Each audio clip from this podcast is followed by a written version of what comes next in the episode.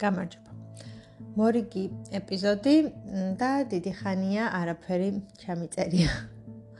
მორიგი ეპიზოდი იქნება იმაზე, თუ რამდენად დიდი მნიშვნელობა აქვს თვითრწმენას, პოზიტიურ აზროვნებას და ძალიან ცირე ძალიან ცირე ამბებს გაგიზიარებთ საკუთარი გამოცდილებით და საკუთარი გამოცდილებიდან ამ რა თქმა უნდა ეს ყველაფერი არ ნიშნავს ჭეშმარიტებას და სიზუსტეს, არ ნიშნავს რომ აბსოლუტური ჭეშმარიტება და სწორია, იმიტომ რომ აა მეც თავად ძალიან ესე ღრმად არ მივყოლილ ვარ ამ ყველაფერს და ნამდვილად ვერ დავდებ თავს და ბოლომდე ესე დარწმუნებით ვერ ვიტყვი, მაგრამ საკუთარი გამოცდილებიდან გაგიზიარებთ პატარ-პატარა დეტალებს. და ზოგადად მინდა ის ასევე ვისაუბრო იმაზე ა თუ როგორ შეიქმნა ეს პოდკასტი და რა ვიცი ამ ისტორიაზეც ა თუმცა ამ ისტორიაზე თქვენთან უკვე მისაუბრია, გამიზიარებია, მაგრამ მოკლედ დავიწყოთ თავიდან. ა იყო დრო და იყო პერიოდი, როდესაც ძალიან ძალიან მინდოდა რომ მემუშავა რადიოში. ძალიან ძალიან დიდი ხნის სურვილი და ოცნება იყო ჩემთვის რომ აი რადიოში მემუშავა და შემდეგ იყო ძალიან ბევრი არა, მაგრამ ორი ან სამი მცდელობა, რომელმაც კრახით ჩაიარა, მე მგონი უფრო ორი. მესამეს ვერ ვიხსენებ. აა მოკლედ რომელმაც კრახით ჩაიარა და მეტი მცდელობა არც მქონია. იმდენად ცუდად იმოქმედა ამ ნეგატიურმა გამოცდილებამ ჩემთვის. თან მაშინ პატარა ვიყავი, სტუდენტი ვიყავი, ну პატარა რა, მაგრამ სტუდენტი ვიყავი. აა არასოდეს არ მქონია მსგავსი გამოცდილება, არასოდეს არ ყოფილ ვარ სამსახურის გასაუბრებაზე და მოკლედ ჩემთვის ძალიან პირველი გამოცდილება იყო და ეს იყო პირველი ორი გასაუბრება ჩემ ცხოვრებაში და ნუ ძალიან ცუდად იმოქმედა ემოციურად, თან რომ ძალიან მინდოდა და არ გამოვიდა. და მოკლედ რაღაცნაირად მას მე ძალიან დიდი ხნის მანძილზე ეს ყველაფერი ძალიან ცუდად გამყვა. იმ კუთხით, რომ რაღაც რაც ძალიან მინდოდა, არ გამომივიდა, რაზეც ვოცნებობდი და ვნატრობდი, არ გამომივიდა. და ეს ჩემთვის იყო მაგალითი და დღემდე არის მაგალითი, რომ ხანდახან რაღაცები გვინდა და ზუსტად იმ ფორმით და ზუსტად იმ სახით არ გამოდის ეს, მაგრამ შეიძლება რომ სხვანაირად გამონახოს ამ ყველაფერმა გზა და სხვანაირი ალტერნატივა და სხვანაირი რაღაც მოინახოს ამ ყველაფრის და საბოლოო ჯამში მაინც გამოვიდეს, მაინც შესრულდეს, მაინც რეალიზდეს და მაინც განხორციელდეს შენ ცხოვრებაში. ჩემ შემთხვევაში უფრო კონკრეტულად თუ ვიტყვი, აა ანუ აი ეს ჩემი სურვილი რეალურად რაც მე მინდოდა რომ ეკეთებინა განხორციელდა ასე ვთქვათ პოდკასტის სახით. და მას მე რაც მე ეს მცდელობები მქონდა საკმაოდ ბევრი დრო გავიდა ალბათ აა 8-9 წელი მაინც იქნება გასული ასე ვთქვათ იმ პერიოდიდან როდესაც მე რადიოში მცდელობები მქონდა და იმ იმ პერიოდის ამბებს შორის როცა უკვე მე ეს ყველაფერი გავაკეთე. პოდკასტის სახით. აა რეალურად პოდკასტი არც მქონია არასოდეს არც გეგმაში, არც გონებაში, არც საერთოდ არაფერში. აა არც მიფიქრია და ზუსტად იმ სურვილის და იმ სურვილების და ოცნებების განხორციელების გზად არასოდეს არ განმიხილავს, მაგრამ რაღაცნაირად ისე მოხდა, რომ ნუ გავიდა ძალიან ბევრი დრო, გავიდა ძალიან ბევრი წელი და მოკლედ ჩემს ცხოვრებაში აი ესე აღმოჩნდა, რომ შემოაბიჯა პოდკასტმა, რაც ნუ მე გავაკეთე და ნუ შემდეგ აი ამ თვითონ ამის გაკეთებაც რაღაცნაირად სამჯერ სამჯერ მოხდა, ასე ვთქვათ, თავიდან გავაკეთე, ცოტა სხვა ფორმატით მინდოდა, ვცდილობდი.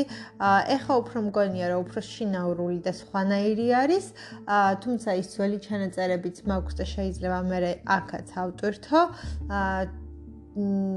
თუმცა ნუ ხო ჩაწერებით ძველია პირველი და მეორე ჯერზე რო გავაკეთე და რაღაცნაირად ორივე გავაუქმე აა რაც ალბათ ცოტათი გულდასაწყვეტიც არის იმიტომ რომ იქაც იყვნენ მსმენელები და ადამიანები ვისაც ეს ყველაფერი მოსწონდა არ ვიცი მათგან ვინმე მე შემომრჩა შემომრჩა ვინმე ისევ ნახა თუ არა, მაგრამ ნუ ხო რა ვიცი, რაღაცნაირად რაღაც აუდიტორია, ასე ვთქვათ, შეიკრა და არ ვიცი, მოკლედ იმ პერიოდში რაღაც ესე გადავწყვიტე, რომ უნდა გამეუქმებინა და ეს პირველი ორი გაკეთება გავაუქმე. წავშალე აკაუნტი. და მე რა უკვე მესამედ გავაკეთე და ნუ დღემდე არის. აა იმის თქმა მინდა რომ ხანდახან ჩვენი სურვილები და ოცნებები რეალისტება ცხოვრებაში უბრალოდ ჩვენ თუ მხოლოდ სწორხაზოვნად შევხედავთ და მე რომ მაგალითად მეთქვა რომ აი კონკრეტულად რადიო თუ არ იქნება აი მაშინ რა აზრი აქვს რომ საერთოდ გამოვიდეს. დღეს ბევრად უფრო კარგი არის ანუ ის რასაც დღეს მე ვაკეთებ და როგორც ვაკეთებ მე უფრო მეტად მიყვარს მომწონს და ზუსტად ამ სახით და ამ ფორმით მინდოდა რომ რაღაც გამეკეთებინა. მე არ ვოცნებობდი რომ იქ სადღაც სიმღერები გამეშვა და რაღაც რომელიღაც სიმღერაზე და მომღერალზე მესაუბრა. ანუ რაღაცა გადაცემა მინდოდა აი ზუსტად აი ამ ფორმით და ამ ფორმატში რომ ყოფილიყო როგორც ახლა მე ვაკეთებ. რაღაც თემებზე საუბარი ან ლიტერატურული თემა ყოფილიყო ან რაღაცა და აი ის რაც მე რეალურად მინდოდა არის ეს რა ფორმითაც და რა სახითაც ახლა პოვა ამ ყველაფერმა რეალიზება და რეალიზაცია. და ეს არის ძალიან ძალიან მნიშვნელოვანი ჩემი აზრით, რომ არ ვიყოთ ხანდახან რაღაც საკითხებში ძალიან სწორხაზოვანები. და მხოლოდ ერთი კუთხით არ ვფიქრობდეთ, არ ველოდეთ და არ გვინდოდეს, იმიტომ რომ აშკარად ძალიან ბევრი სურვილის, ოცნების და ნატრის ასრულების სხვადასხვანაირი გზა და მეთოდი და ვარიანტი არსებობს ჩვენს ცხოვრებაში. და კონკრეტულად რომელი იქნება გამოვა და რეალიზდება, არავინ არ იცის. და ხანდახან შეიძლება. რაღაც რომ არ გამოდის, ბევრად უკეთესი მივიღოთ მომავალში, ბევრად უკეთესი ვარიანტი, ბევრად უკეთ რეალიზდეს ეს ყველაფერი ჩვენს ცხოვრებაში და ბევრად უკეთესი ფორმით, სახით და არ ვიცი, ბევრად კარგი რაღაც მივიღოთ, ვიდრე მაგალითად მივიღებდით სხვა შემთხვევაში. რაც ძალიან სასიამოვნო არის, და რაც ნუ ძალიან ძალიან კარგი არის რა თქმა უნდა რომ აი რაღაცა ჩვენი სურვილი, ჩვენი ოცნება, ჩვენი რაღაცა რეალიზდა გამოვიდა და აა გამოგვივიდა მოკლედ რაც ძალიან ძალიან გვინდოდა. და ბევრად იმაზე კარგად ვიდრე ჩვენ წარმოვიდგენდით ან გვეგონა ან ჩვენს გონებას რაღაც ეტაპზე შეეძლო ამის დაშვება, ამ ფიქრი ან ასე შემდეგ. ხო ნუ მოკლედ აი ამ ჩემი ასე ვთქვათ პოდკასტის გაკეთების ისტორია არის ის რომ ძალიან დიდი ხნის მანძილზე მინდოდა ვოცნებობდი ნატრობდი არ გამოვიდა.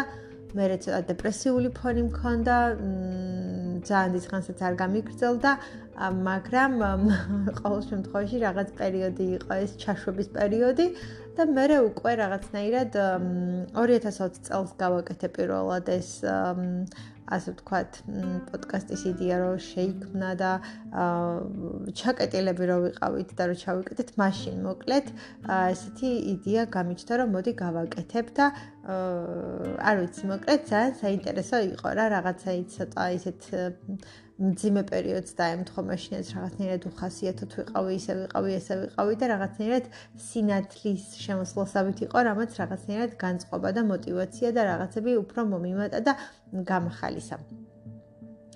ну მე რაღაცნაირად ისე დაემთხვა, რომ თითქოს მ პირველ შემთხვევაში ალბათ მქონდა იმის განცდა, რომ მსმენელები არ არიან ისეს რაღაც რაღაც რაღაც და თლათ ისეთი კარგი არ არის მგონი და რაღაცა და რაღაცა და წავშალე.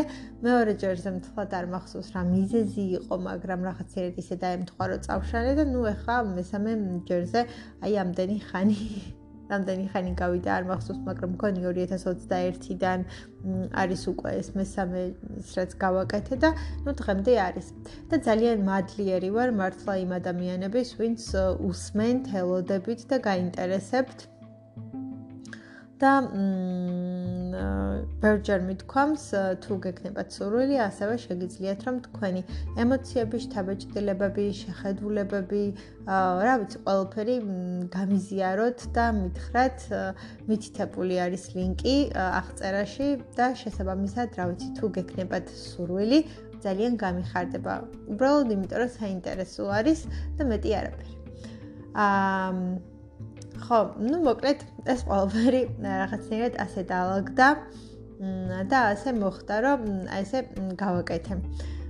და ეხლა ძალიან საინტერესო არის ის, როდესაც ხვდები და ვიაზრებ, რომ აი ეს რაღაცა რაც ძალიან ძალიან დიდი ხნის მანძილზე მინდოდა, ნატრობდი, ვოცნებობდი, ცოტა სხვანაირად, ცოტა სხვა ფორმით, ცოტა სხვა კუთხით, მაგრამ ამ ყველაფერმა რეალიზება ჰპოვა და გამოვიდა ჩემ ცხოვრებაში და რაღაცა რაც ძალიან მინდოდა, იმას მივახციე. და გავაკეთე, განვახორციელე და კიდევ ბევრჯერ მექნება ალბათ ესეც ნათქვამი ოსკარ ვალდის სიტყვებია მთლად ზეპირად არ მახსოვს მაგრამ რაღაც ასეთი არის რომ ეს განხორციელებელი სურვილები და ოცნებები რომლებიც გქონდა და ვერ ავისრულეთ ვერ ავიხდინეთ და არ გამოვიდა მოკლედ ჩვენში ვერ რჩება და მე ჩვენვე გვწამლობს და გვშხამავს. შინარსი ასეთი არის. ხო და ამას ვეთანხმები, იმიტომ რომ მართლაც ის რაღაცები რაც ძალიან გვინდა და გვინდოდა და არ გამოვიდა, ჩვენვე გვწამლობს და გვშხამავს. მთელი ამ ისტორიის მორალი, ასე ვთქვათ, ის იყო, რომ ერთი გაგიზიარეთ ჩემი ამბავი, როგორ გავაკეთე, საერთოდ როგორ დაიწყო, აა რა სურვილებიდან მოვედი.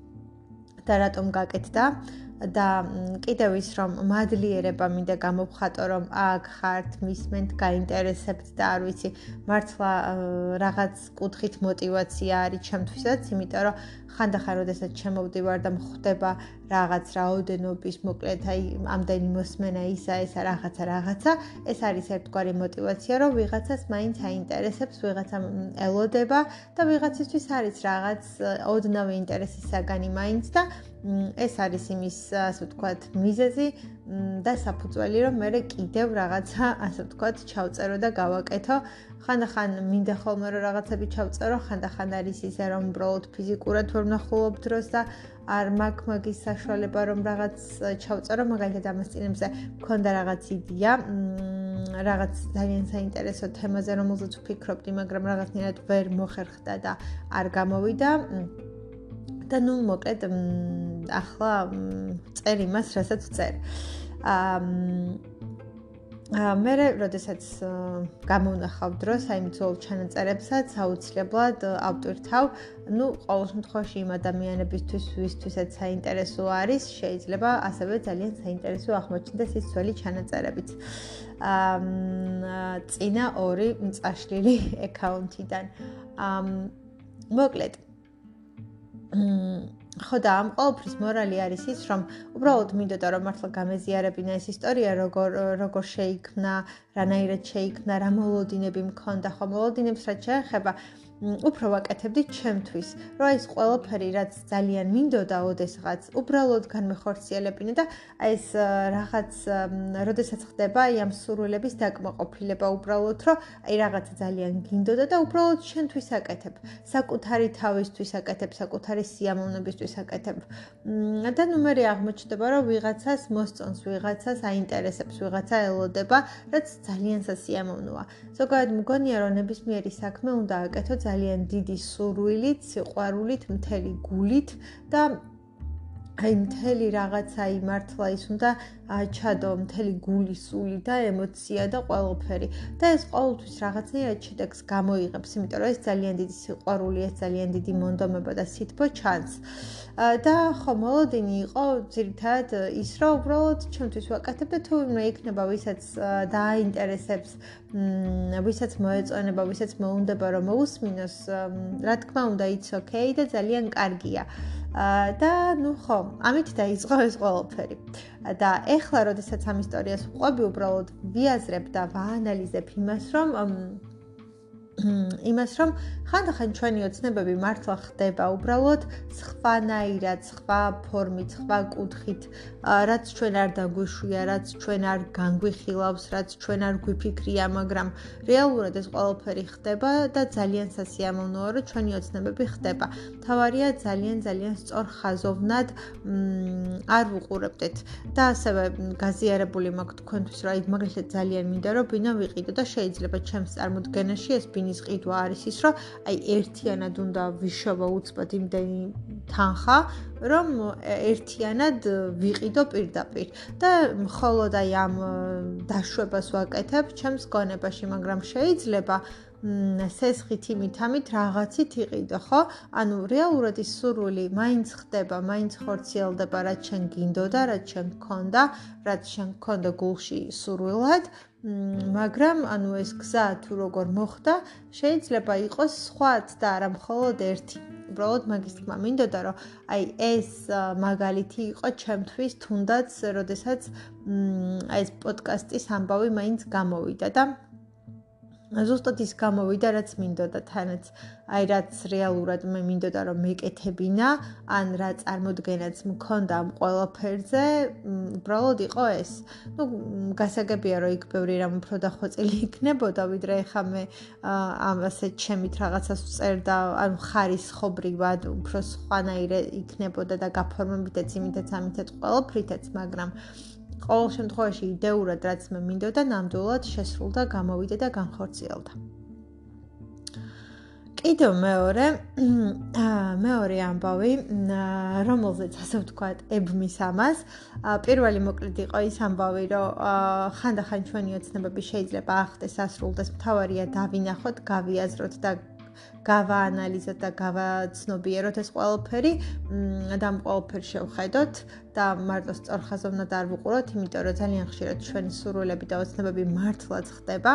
უბრალოდ თუ კონკრეტულად იმ ყველაფერს მე პირადად ამ შემთხვევაში რადიოს დავარქმევდი, რადიო არ ამხდარა, მაგრამ რეალურად რაც მინდოდა და რაზეც ოცნებობდი ნამდვილად ახდა და ბევრად უკეთესი ფორმით, სახით და ბევრად უკეთესი კუთხით, ჩემი აზრით,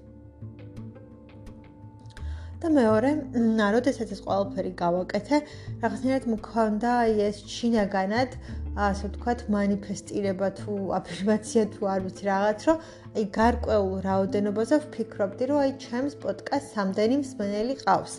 და რაღაცნაირად გულში ვიმეორებდი და თუ მაგალითად რაღაც, არ ვიცი, იმ პერიოდში თუ გამიკეთებია ალბათ ეს აფირმაციები ან რაღაც მსგავსი, მაგ შემთხვევაშიც ალბათ დამიწერია კიდეც, რომ პირობითად ავიღოთ 9000 მსმენელი და რაღაც პერიოდი გავიდა და დღეს ვატყობ, რომ აი ის მოლოდინი და ის ასე ვთქვათ манифестირება იქნება თუ აფირმაცია იქნება თუ რაც გინდათ დაარქვით, რაღაცნაირად ახდა, შესრულდა და ანუ რაღაცა არის ის შედეგი, რომ ჩემს პოდკასტს ყავს მსმენელი და არიან ადამიანები, ვისაც ეს აინტერესებს და არიან ადამიანები, ალბათ ვინც ელოდება, არ ვიცი, ან ვისაც უბრალოდ სულოდნო მაინც აინტერესო არის და რაც ემოციურად ძალიან ძალიან מחარებს. და იმასაც ხვდები უბრალოდ, რომ აი მართლაც ის მოლოდინები, რასაც ვიქმნით და ხანდახან რასაც რაზეც ვაჯერებთ ჩვენ თავს, რომ ნამდვილად შევძლებთ ეს და გამოგვივა, განხორციელებადია. უბრალოდ ეხა თუ იმას ავიღებთ, რომ ეს ყველაფერი გავაკეთე 2021 წელს და ეხლა უკვე სრულდება 2023, ამ ყველაფერს დასჭირდა 2 წელი. აა და ხო, რაღაც ორ თვეში არ დამდგარა ეს შედეგი და ორ თვეში არ ყოფილა ის, რომ ვაიმე ამდენი მსმენელი ყავს. ეს ხდებოდა ეტაპობრივად და ნელ-ნელა ემატებოდა არ ვიცი რატომ, არ ვიცი როგორ. რის გამო და ზოგადად თუ ვითხოვ ხოლმე და გთხოვთ რომ შემეხმიანოთ ან რაიმე გამიზიაროთ, მხოლოდ ამიტომ და მხოლოდ ამის გამო რომ უბრალოდ მაინტერესებს ვისთვის რა არის ეს პოდკასტი, რას ნიშნავს ან რატო უსმენთ, მეტი არაფერი და ნუ მოკლედ რაღაცნაირად დადგა ის შედეგი, რომ სადღაც 2 წლის მერე დადგა ის შედეგი, მოკლედ რომელიც ასე ვთქვათ, მინდოდა. და ეს მოლოდინებიც ხანდახან რაზეც თუნდაც მანიფესტირებს და აფირმაციებს ვაკეთებთ ჩვენ ზოგადად ადამიანებს ყოველას. რაღაცა, როდესაც გვინდა გვინდა დღეს და გვინდა ამ წუთას და ვერ განვიხილავთ და ვერ უშვებთ იმას, რომ რაღაცებს სჭირდება დრო, რაღაცებს სჭირდება მოთმინება. ანუ მე ის შედეგი მივიღე 2 წლის შემდეგ. ზუსტად 2 წელია თუ 2 წელიწად ნახევარი არ ვიცი შეიძლება ცოტა 2 წელზე მეტიც იყოს მაგრამ ყოველ შემთხვევაში ის შედეგი რომელიც მე მსურდა და რომელზეც მანიფესტირებდი ასე ვთქვათ წერდი თუ გულში თუ სიტყვიერად თუ როგორც არის რაზეც ვფიქრობდი და რაც რაღაცნაირად იყო ჩემს გონებაში ახდა და განხორციელდა და რეალიზდა სადღაც 2 წლის შემდეგ ან ოდნავ მეტი. მაგრამ აი ეს არის რომ ხანდახან ჩვენ გვეჩქარება. თუნდაც ის რადიოს მაგალითი რო ვთქვი, მე ალბათ ზუსტად ვერ ვიტყვი, მაგრამ სავარაუდოდ იყო ეს 2010 წელი. 2010-იან 11, ну შეიძლება 12, 12-ზე იქით არა, როცა მე 2010-დან 12-მდე, როცა მე ეს რადიოს მცდელობები მქონდა. მაგრამ 2010 წლიდან აა როცა მე ეს რეალურად გავაკეთე იყო 2020 წელი. და 2021 უკვე ეს მესამე ასე ვთქვათ ვარიანტი აკაუნთი რომ გავაკეთე. და ძალიან ბევრი დრო არის ხო? გასული მთელი 10 წლიანი პერიოდი არის ხო და ანუ ეს არის ადამიანებს ძალიან გვეჩქარება, მაგრამ ხანდახან რაღაცებს სჭირდება დრო, რომ რაღაც იდეები მოგვივიდეს თუნდაც, რაღაც გზები გამოჩნდეს, რაღაც საშუალებები გამოჩნდეს, რომ რაღაცები იყოს, რაღაცები მოხდეს, რაღაცები განხორციელდეს და შეიძლება ჩვენ მერეც ისევე ძალიან გაგვიხარდეს ეს შედეგი, როგორც მაგალითად დღეს გამიხარდებოდა. და როგორი კარგიც და როგორი სასიამოვნოც იქნებოდა დღეს ეს ყველაფერი ჩემთვის. შეიძლება ანალოგიურად სასიამოვნო და ზუსტად იგივენაირად ძალიან ძალიან კარგი და სასიამოვნო იყოს და აღმოჩნდეს მერეც. შეიძლება ბევრად უკეთესი ფორმით და სახით მივიღოთ რაღაცები და შეიძლება ანუ ზუსტად მაშინ იყოს სწორი და კარგი დრო ჩვენთვის. და მივხვდეთ რომ ბევრად უკეთესი დახვეწილი და გაუმჯობესებული ფორმით მივიღეთ რაღაცები. აა ხანდახან რაღაცებზე ალბათ არის გვიანიც. ყველაფერზე ვერ ვიტყვით ამას, მაგრამ ნუ ალბათ რაღაცებს სჭირდება დრო და ხანდახან ეს მოთმინება ადამიანებს ნაკლებად გვაქვს. და მოკლედ მეორე ნაწილი, რაც მინდოდა რომ მეთქვა და რაც მინდოდა რომ გამეზიარებინა თქვენთვის, არის ის რომ ხო, ნუ მოკლედ იმის თქმა მინდა, რომ ხანდახან რაღაცებს დრო ნამდვილად სჭირდება. და კიდე მეორე ნაწილი, მეორე ნაწილი, რადგან მინდოდა რომ მეთქვა და მესაუბრა და გამეზიარებინა თქვენთვის, არის ის, რომ აი ის მომენტი, როდესაც მოკლედ მეორე ნაწილი რაც მინდოდა გამეზიარებინა თქვენთვის არის ეს აფირმაციების, манифестаციის რაღაც აი ეს ეს ნაწილი რა. თუმცა ამაზე მართლა თავს ვერ დავდებ, იმიტომ რომ მე ბოლომდე ესე დეტალურად არ ვიცნობ და ნამდვილად ვერ დავდებ თავს, იმიტომ რომ მგონია რომ საშინელი არა პროფესიონალიზმი არის ის და საშინელი უპასუხისმგებლობა არის ის, როდესაც რაღაცაში თავიდან ბოლომდე ძალიან კარგად ვერ ერკვევი, არიცი და სხვა ადამიანებს ამაზე ურჩებ. ან რაღაცას ეუბნები. მე თვითონაც ვარ უბრალოდ დაინტერესებული, მე თვითონ ვუსმენ ძალიან ბევრ ადამიანს, არ ვიცი რამდენად სწორ ადამიანებს, იმიტომ რომ ზოგადად ამ კუთხით არის ინფორმაციის მოზღვავება, ყველა და ყველაფერი არ ვიცი ამაზე საუბრობს. ну ძალიან ბევრი ადამიანი ძალიან ბევრი YouTube-ზე იმაზე ან ნებისმიერ სოციალურ ქსელში ამ თემაზე საუბრობს უამრავი ადამიანი და მე უბრალოდ მაინტერესებს და ვუსმენ. აა და ნუ ძალიან ძალიან მაინტერესებს. აა ზოგადად იმის ნამდვილად მჯერა და აბსოლუტურად მჯერა რომ სიტყვას აქვს საოცრად დიდი ძალა და სიტყვას აქვს საოცრად დიდი მნიშვნელობა. და ზოგადად ამ თვით რწმენასაც და საკუთარ თავს რო რაღაცაში დააჯერებ და დაარწმუნებ, ამასაც ძალიან დიდი მნიშვნელობა აქვს. ხო და მოკლედ იმის თქმა მინდა რომ იმის თქმა მინდა რომ მე რაც მიცდია არ არც ვიცი ახლა ზუსტად მთელი ტექნიკების დაცვით ვაკეთებდი ამას თუ ამ მთელი ტექნიკების დაცვით არ ვაკეთებდი, იმიტომ რომ ყველა სხვადასხვა ვარიანტს თუ ყველა სხვადასხვანაირ რაღაცას აზიარებს და მოკლედ, არ ვიცი, უბრალოდ რაც მოვისმინე და რაღაცა მიცდია, რომ ეს რაღაცები დამეწერა, გამეკეთებინა. აქ ალბათ უფრო მეტად ჩემი აზრით არის თვითრწმენის ამბავიც. ყოველ შემთხვევაში, იმის თქმა მინდა, რომ აი ეს манифестირება, ასე ვთქვათ, რაზეც მქონია, თუ აფირმაციები თუ რაღაც რა ვიცი.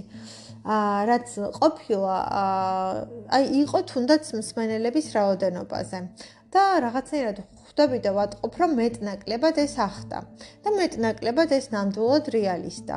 ასევე იყო რაღაც თანხაზე და ის შემოსავალზე რაღაცა, აი რა შემოსავალი მინდა რომ მქონდეს და რამდენი მინდა რომ იყოს. ესეც მეტნაკლებად რეალისტა. და ანუ ზოგადად ვატყობ, რომ აი ეს რამდენად მნიშვნელოვანი არის რა მართლა, რომ გწამდეს, გჯეროდეს და პოზიტიურად და იმედიანად იყო განწყობილი. შეიძლება საერთოდ არ არის დაარწყყოფილა იმ манифестაციების და იმ რაღაცების ბრალი და იმ რაღაცებიდან გამომდინარე საერთოდ არ წყყოფილა ეს ყველაფერი.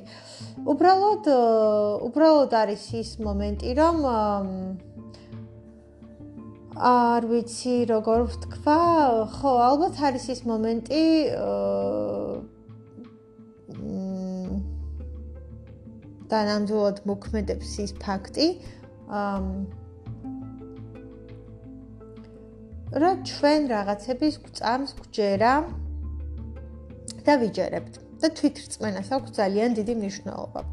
და კიდე მგონია რომ უბრალოდ პოზიტიურ აზროვნებას აქვს ძალიან დიდი და გადამწყვეტი მნიშვნელობა. ანუ თუ ადამიანი პოზიტიურად უყურებ რაღაც გარკვეულ მოვლენებს, თუ პოზიტიურად აზროვნებ, პოზიტიური მოლოდინები გაქვს, მგონია რომ პოზიტივს იზიდავ. და ამასაც ძალიან დიდი მნიშვნელობა აქვს, ну, ამ კუთხით მე რეალურად ძალიან ბევრ ქართველ, უცხოელ, რა ვიცი, სხვადასხვა ადამიანებს უსმენ მართლა. და აი მთელი მათი ეს გამოცდილებებიც და რაღაცებიც რაც ყოფილა და რაც მე პირადად მომისმენია მართლა რო ვაკვირდები ხოლმე აა ძალიან რთულია ყველა სხვადასხვა რაღაცას ამბობს ანაზიარებს ზოგი ამბობს რომ კარგია ზოგი ამბობს რომ ცუდია ზოგი ამბობს რომ სახიფათოა ზოგი ანუ არ ვიცი ძალიან ბევრი ბევრი აზრი არის ამ ყოველფერთან დაკავშირებით. ძალიან ბევრი აზრი ტრიალებს ამ ყოველფერთან დაკავშირებით და ძალიან ბევრი, არ ვიცი, რაღაც არის ამ ყოველფერთან დაკავშირებით. ძალიან, ძალიან, ძალიან ბევრი მართლა.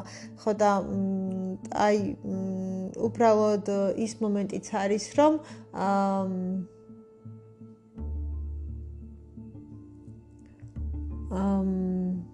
აი ბოლომდე ვერ გაიგებ რა შენ თვითონ უნდა იყო ამ ყოველფრის ალბათ პროფესიონალი და ძალიან უნდა ერკვეოდე მაგრამ ზოგადად ეს ძალიან ბევრნაირი თეორია და ვერსია და ვარიანტი ტრიალებს ამ ყოველფერთან დაკავშირებით და ვისაც უსმენ ჯერ ძალიან უნდა იყო დარწმუნებული მის ცოდნასა და კომპეტენციაში და კომპეტენციასა და პროფესიონალიზმში და მე ნამდვილად მოგჯეროდეს, მაგრამ რეალურად მე რასაც უსმენ ხოლმე, ალბათ ყველა მხარე თავისებურად სწორია და მართალია. უბრალოდ გააჩნია შენ რომელს უფრო მეტად ემხრობიან გჯერა. აა ქართველებისთვისაც მომისმენია და უსმენ ასევე უცხოელები, მაგრამ რეალურად არის ერთი რამ, რომ მე მგონია, რომ უფრო მეტად ძირითადი და გადამწყვეტი მნიშვნელობა აქვს მართლა რწმენას. და ეს რაღაცა რო ძალიან გჯერა და რომ გწამს თვითრწმენას და თავდაჯერებულობასაც ხომ გმატებს, რა თქმა უნდა. და ამ თვითრწმენასა და თავდაჯერებულობის მომატებასთან ერთად არის ერთი მნიშვნელოვანი მომენტიც, რომ ანუ თვითრწმენ, მხოლოდ თვითრწმენას და თავდაჯერებულობას კი არ გმატებს რაღაცა. არა, არამედ ის მომენტიც დგება და ის მომენტიც არის, რომ აა მე რაღაცნაირად უფრო სხვანაირად უყურებ ალბათ. ეს რწმენა გიჯდება თავიდან ბოლომდე. იმ ყველაფერზე უფრო კარგად უფრო პოზიტიურად ფიქრობ დარწმუნებული ხარ ან საკუთარ თავს არწმუნებ რომ გამოვა გამოგივა რომ შეძლებ რომ მიაღწევ და ზოგადად მგონია რომ ყველაზე მეტად მნიშვნელოვანი და გადამწყვეტი არის ეს პოზიტიური ფიქრი და პოზიტიური ფიქრები და პოზიტიურად ფიქრის ძალა და ის რწმენა და ის მოლოდინი, რასაც გინდა რომ მიაღწიო. რა თქმა უნდა, ძალიან ბევრი ადამიანი გამოჩნდება, აღმოჩნდება ნებისმიერი ადამიანის გარშემო, ვინც ეტყვის, რომ ეს რაღაცა სისულელია და ეხლა რა სისულელეს აკეთებ. მეც მაქვს ამის გამოცდილება და მაგალითი, რომ ჩემს გარშემო არიან გარკვეული ადამიანები, ვისაც არ შეერა, არ წამს და ნუ ვერაფრით ვერც დააჯერებ, ვერც დაარწმუნებ და აა ვერც რა ვიცი, ვერაფერი და ნუ მათ გონიათ რომ უბრალოდ აი ძალიან დიდი სისულელია ეხლა რა ეს ყველაფერი რასაც ჩვენ აკეთებ და ძალიან დიდი სისულელია ეს ყველაფერი რასაც ახლა შენ შვები მაგალითად. და რო არაფერი ის არა აქ რა ქვია სარწმუნო ამ ყველაფერს ან რომ არაფერი ისეთი არ არის რა რო აი რა ვიცი ახლა რა სისულელეს აკეთებ ან რა სისულელეს შვები ან მაგალითად თუნდაც აი მე ბუნებრივი ქვების ის მქონია რომ ვატარებ ხოლმე და აი ახლა ამას რო ატარებ რა მართლა გონია რომ რამე პოზიტიურს მოიზიდა ვამით და რაღაც. ხო გასაგებია ვიღაცა საერთოდ არ შეერა და მართლა სასაცილოდ მიაჩნია მაგრამ მე შეიძლება მჯერა შეიძლება ქვაშიც არ იყოს საქმე, აქ მთელ რაღაცა შეიძლება წყვეტდეს ეს ფიქრი და მოლოდინი და რწმენა და ეს მართლა პოზიტიური ფიქრის ძალა და არ ვიცი, მე მგონია რომ უბრალოდ იმ ენერგიებს იზიდავს ჩვენს ცხოვრებაში კონკრეტულად, რის გამოც ვიკეთებს და გვიკეთია და უბრალოდ გვეხმარება, ან мотиваტორი ხდება რაღაც უფრო მეტად და უფრო მეტად გვმატებს თვითრწმენას და ამ ძალას, რომ აი რაღაც ნამდვილად გამოგვივა და ნამდვილად შევძლებ და ნამდვილად მივაღწევთ და ნამდვილად იქნება, აი ამ პოზიტიურ э, რაღაცებს უფრო მეტად გვმატებს და უფრო მეტად აა გვჯერა ჩვენ ჩვენი თავის და საკუთარი შესაძლებლობების, რომ ნამდვილად შევძლებთ, ნამდვილად გამოგვივა, ნამდვილად მივაღწევთ. და შეიძლება რეალურად ყველაზე მეტად ეს ჩვენი თვითრწმენა გვეხმარებოდეს საკუთარ თავში თავდაჯერებულობა და საკუთარი თავის უდიდესი თვითრწმენა. და ის უბრალოდ იყოს რაღაცნაირად სტიმული, მუხტი და რაღაც დამხმარე ძალა და დამხმარე საშუალება, რომელიც გეხმარება, რომ აი ეს თვითრწმენა უფრო მეტად განიმტკიცო და უფრო მეტად გქონდეს. აა მაგრამ ფაქტი არის, რომ ჩემ შემთხვევაში მე რაც მინდა რომ გაგიზიაროთ, მე რაღაც არც ერთ იმას ტექნიკას და რაღაცას არ გიზიარებთ ესე. აა უბრალოდ იმას ვამბობ, რომ მე თვითონ რაც გამოვიარე და გამოვცადე, დავინახე, რომ მეტნაკლებად ფინანსურად ის რაღაც რაც მინდა რომ მინდოდა რომ მქონოდა ეს ნამდვილად განხორციელდა და მოვიზიდე. და მოკლედ ეს იყო რაღაც ჩემთვისაც აღმოჩენა, რომ აი მართლა ეს მოხდა რა. არ ვიცი, ჩემი რწმენიდან გამომდინარე, ჩემი რაღაც თავდაჯერებულობიდან გამომდინარე თუ იმისგან, რომ მართლა ამაში ვაჯარებდი და ვარწმუნებდი თავს და ამ ყოველფერთან დაკავშირებით ძალიან პოზიტიური მოლოდინები მქონდა. სიმართლე რა ვთქვა, ჩაციკლულიც არ ვიყავი ამ ყოველფერზე, რომ აი თუ ეს მე ვიფიქრე, მე ვაკვირდებოდი. ანუ როცა უბრალოდ მოხდა და მივხვდი და დავინახე რომ უი მართლა ის რაოდენობაა რაც მე მიფიქრია. მე მე მივხვდი რომ მე ამაზე მიფიქრია და რაღაცნაირად მქონდა მცდელობა რომ ეს მომეზიდა ჩემ ცხოვრებაში და უი მართლა მართლა მომხდარა თურმე რაღაცნაირად და ახდა ალბათ ესეც მნიშვნელოვანია ყოველ შემთხვევაში მე რაც მომისმენია როგორც ამბობენ მნიშვნელოვანია რომ არ იყო მაინც და მაინც აი მართლა ჩაციკლული იმაზე რომ აი პაპა მოხდება არ მოხდება იქნება არ იქნება გამოვა არ გამოვა რაღაც. ანუ ესეც ძალიან ძალიან ძალიან მნიშვნელოვანი მომენტი არის რომ არ იყო მარტო და მთლიანად კონცენტრირებული იმაზე, რომ იქნება, არ იქნება, გამოვა, არ გამოვა, რა იქნება, როგორ იქნება, რანაირად იქნება. უბრალოდ უნდა აცადო და ალბათ ამ ყველაფერს დრო უნდა მისცე, იმიტომ რომ დრო ყველაფერს რაღაცნაირად ალაგებს და ყველაფერს დრო სჭირდება. ნებისმიერ რაღაცას ხეთს რომ დარგო, ორ დღეში ვერ გაიზრდება დრო უნდა რომ გაიზარდოს და მე ძალიან ლამაზი იქნება და ძალიან რაღაც საოცარი იქნება. და შენს გაგიხარდება რომ დაინახავ, მაგრამ ამ ყოველფერს ხო სჭირდება დრო. და ალბათ იგივენაირად არის, რომ უბრალოდ უნდა აცადო ადროო. აა და ხო ნუ რა ვიცი, უბრალოდ რო ვფიქრობ, ჩემი პოზიტიური მოლოდინი და პოზიტიური ფიქრი ამ ყოველფერთან რომ შევძლებდი გამომივიდო და რომ მოვახერხებდი, რომ ნეგატიურად არ ვფიქრობ ალბათ რაღაცებზე ამ კუთხით და აი ესე განწყობილი ვარ, რომ იქნება, მოხდება, ყველაფერი კარგად იქნება, ყველაფერი კარგად დაალაგდება, ეს ჩემი რაღაც პოზიტიური განწყობა, შინაგანი და ფიქრები ალბათ ყველაზე მეტად შეიძლება ეს ეხმარება. არ ვიცი, მაგრამ ესე მგონია, რომ ერთ-ერთი გადამწყვეტა მნიშვნელოვანი და ერთ-ერთი უმნიშვნელოვანესი მომენტი და ფაქტორი არის ეს, რომ აი მე ამ ყოველფერზე ვფიქრობ ძალიან პოზიტიურად და მოლოდინები და განწყობა მაქვს პოზიტიური, რომ უნდა იყოს, უნდა მოხდეს, უნდა გამოვიდეს, ან არ ვიცი. შეიძლება რეალურად აფირმაციების ბრალია, შეიძლება რეალურად манифестаციის ბრალია, შეიძლება რეალურად ქვების ბრალია. ანუ არ ვიცი კონკრეტულად რა ეხა რო გითხრათ რომ რამე ძალიან ისეთი აა გამიკეთებია, არა უბრალოდ ეს манифестаციას თუ რაღაცას წერდი, რაღაც პერიოდი და მორჩა დიდი არაფერი ხა რაღაც გასაოცარი. მიუხედავად იმისა რომ ძალიან ბევრი ტექნიკა არის თუმცა აი ამ ყველაფერშიც მე პირადად ძალიან ღრმად არ მინდოდა რომ შევსულიყავ იმიტომ რომ მართლა არ ვიცით აა დეტალურად რასთან და როგორ და რანაირად რასთან გაქვს საქმე ასე ვთქვათ და თან ზოგადად მგონია რომ სურვილების ჩაფიქრება საკმაოდ სახიფათო რამ არის და რატომ ანუ ჩვენ არ ვიცით ეს რაღაცა კარგი არის და იქნება თუ არა ჩვენთვის და ჩვენი ცხოვრებისთვის ჩვენ ყველაფერი რაც გვინდა ვუყურებ დღევანდელი გადმოსახედიდან და დღევანდელი მოცემულობიდან და არ ვიცით როგორ და რანაირად შეიძლება სიტუაციები, გარემოებები და ასე შემდეგ. მაგალითისთვის თუ ვიტყვით აი თუ მაგალითად ვიღაცა манифестირებს ასე ვთქვათ კონკრეტულ ადამიანზე, ხო?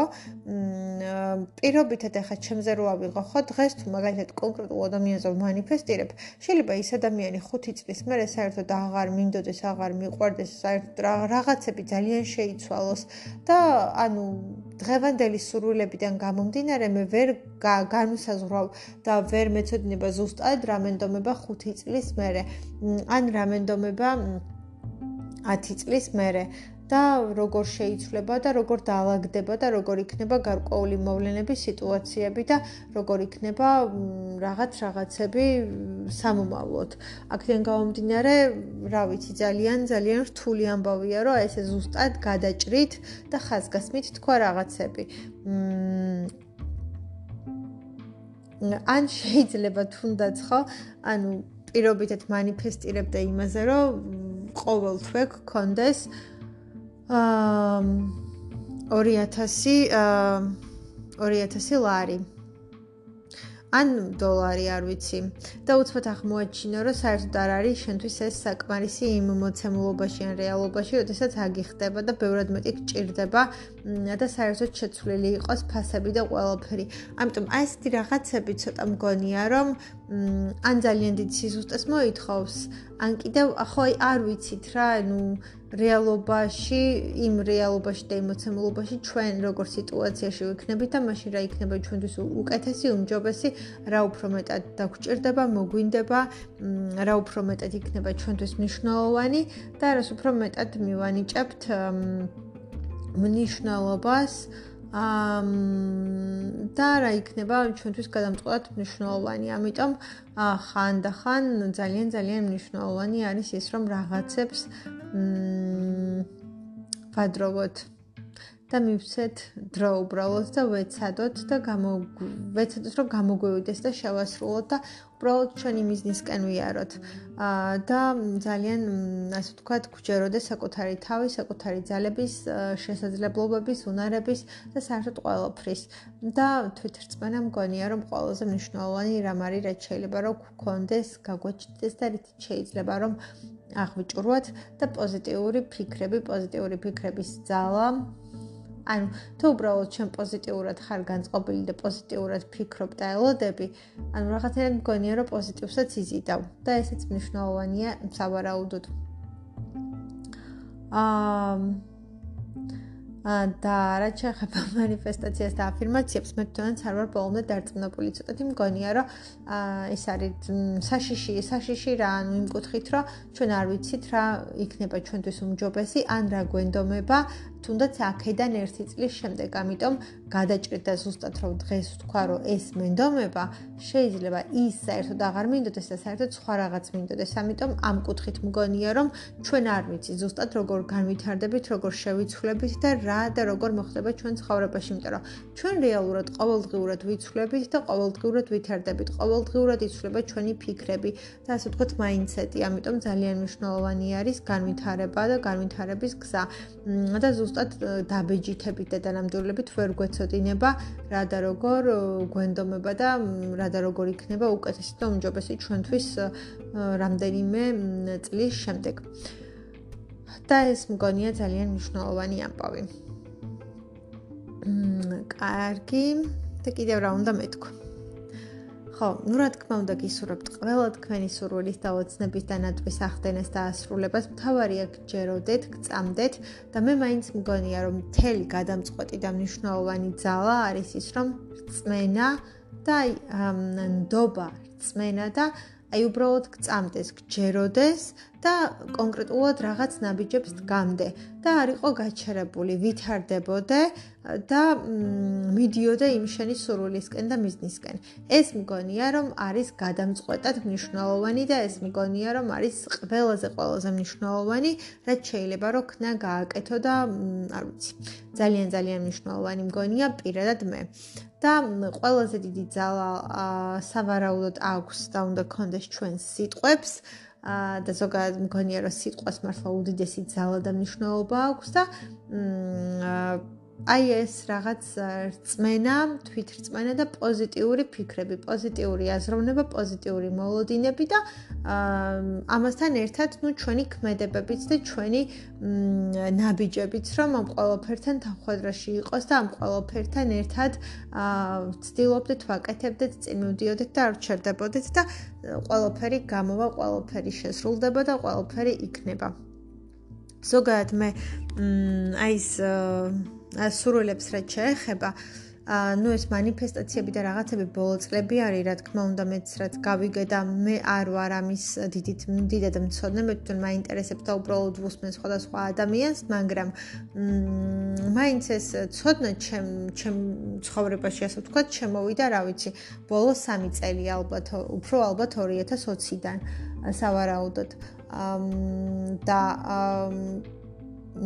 და ისე იქამდეც ზოგადად ყოველთვის მეშინოდა ხოლმე ასე ვთქვათ, აი გადაჭრით რაღაცის ჩაფიქრების. იმიტომ რომ ნუ განსაკუთრებით ადამიანის და მსგავსი შემთხვევის, იმიტომ რომ ჩვენ არ ვიცით ეს რაღაც გვენდომება თუ არა. 5 წლის მერე და 10 წლის მერე ჩვენ როგორ შევიცვლებით, განვითარდებით, რა სურვილები გვექნება, რა მიზნები გვექნება და რა და როგორ იქნება ჩვენ ცხოვრებაში არ ვიცით.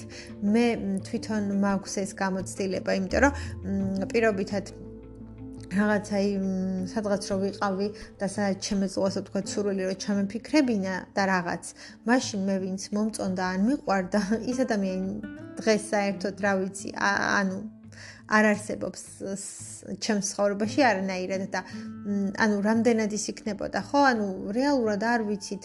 შეიძლება დღეს ის ადამიანი მოგწონდეს გიყვარდეს რაღაცა რაღაცა მაგრამ ანუ არ არის აუცილებელი რომ ადამიანი ჩაიფიქრო. ანუ ეცადე რომ მასთან ურთიერთობა განავითარო და უბრალოდ კონდეს ის ურთიერთობა, რაც გინდა რომ კონდეს და დრო გაჩვენებს ეს ურთიერთობა არის თუ არა ის ურთიერთობა, რომელიც შენ გინდა გჭირდება და რომელიც შენთვის არის კარგი. ამას შენ თვითონვე მიხვდები და დაინახავ. მე არ მგონია რომ სწორი არის, არანაირად არ მგონია და ვერანაირად ვერ ვმხრობი და ვერანაირად ვერ ვერ ვიგებ აი ეს ამართლა ადამიანების და იმის ჩაფიქრებას, იმიტომ რომ არ მგონია მთლად სწორი. ანუ ურთიერთობა არის, ურთიერთობებია ეს ყველაფერი და უბრალოდ შენი ურთიერთობები ეცადე რომ კარგი იყოს, ჰარმონიული იყოს, კარგად ვითარდებოდეს და შენთვის ასიამოვნოთ და არ ვიცი სასურველი შედეგით მიდიოდეს ასე ვთქვათ და უბრალოდ ამას ეცადე, ანუ არ არის ამისთვის აუცილებელი, რომ მაინც და მაინც რაღაც მთელი ისინი გქონდეს, რომ რაღაც არ ვიცი სასწაულები. მოკლედ მოკლედ ხო ეს და ისე რაღაც სურვილები რა თქმა უნდა ადამიანს ყოველთვის აქვს ამ სურვილების შესასრულებლადაც ხანდახან რაღაც мотивация გვჭირდება და სტიმული გვჭირდება, რაც ჩვენთვის ვიარი კარგი მ რომ უფრო მეტად დიდი თვითრწმენა გქონდეს და რაღაცის გქონდეს мотиваცია გქონდეს და უბრალოდ მანდაც მნიშვნელოვანი და გადამწყვეტი მგონია ის რომ უნდა უნდა გადადგან აბიჭები და უნდა ეცადო რომ ეს ყველაფერი გამოგივიდეს, შეგისრულდეს, განხორციელდეს, მიაღწიო და ყველაფერი მოხდეს. და ბოლოს დავასრულებ ალბათ იმით რომ თუნდაც აი, როდესაც მქონდა მოლოდინი რაღაც გარკვეული რაოდენობა მსმენელის, მე რომ არ ჩამეწერა არც ერთი აა ეპიზოდი და რომ გავჩერებულიყავი, არც ერთი მსმენელი არ იქნებოდა და არც ორი, მაგრამ იმან რომ მე მთელი ამ წლების მანძილზე რაღაცნაირად რაღაცებს ვაკეთებდი, ალბათ ამან გამოიღო შედეგი და ყოველფერში მგონია რომ მაინც ჩვენი ძალისხმევა, ჩვენი მონდომება და ჩვენი, ასე ვთქვათ, რწმენა და ჩვენი ეს პოზიტიური დამოკიდებულება და ჩვენი პოზიტიური განწყობა წყვეტს ძალიან ბევრ რაღაცას და ეს არის ყველაზე მნიშვნელოვანი. და ბოლოს გისურვებთ ყველა თქვენი სურვილის, ოცნების, ნატურის ასრულებას და განსაკუთრებით იმ სურვილების და ოცნებებისა და ნატურების, რომლებიც თქვენთვის და თქვენი ცხოვრებისთვის იქნება კარგი სასიკეთო და თქვენ ცხოვრებას ბევრად კარგისკენ შეცვლის და ყველაფერ კარგს შემოიტანს თქვენ ცხოვრებაში, იმიტომ რომ ხანდახან ჩვენ გვაქვს სურვილები, რომელთა ასრულება შეიძლება ჩვენთვის არც თუ ისე სარგებლიანი არ იყოს რა, ჩვენთვის ვერ არ იყოს კარგი და ის სურვილები, როდესაც გვესრულდება, რომელიც ჩვენ ცხოვრებას კიდევ უფრო გაალამაზებს, გაუმჯობესებს და წინ წასწევს და კარგ შედეგებს მოიტანს, ეს ძალიან მაგარი, მაგარი და ძალიან ძალიან მაგარი რამ არის. გისურვებ თქვენი ოცნებების და სურვილების ასრულებას და მადლობა რომ ჩემთან ხართ, მისმენთ და გაინტერესებთ. მადლობა და ძალიან დიდი მადლიერება აი ამ მოკლედ თქვენია ყოფნისთვის. thank you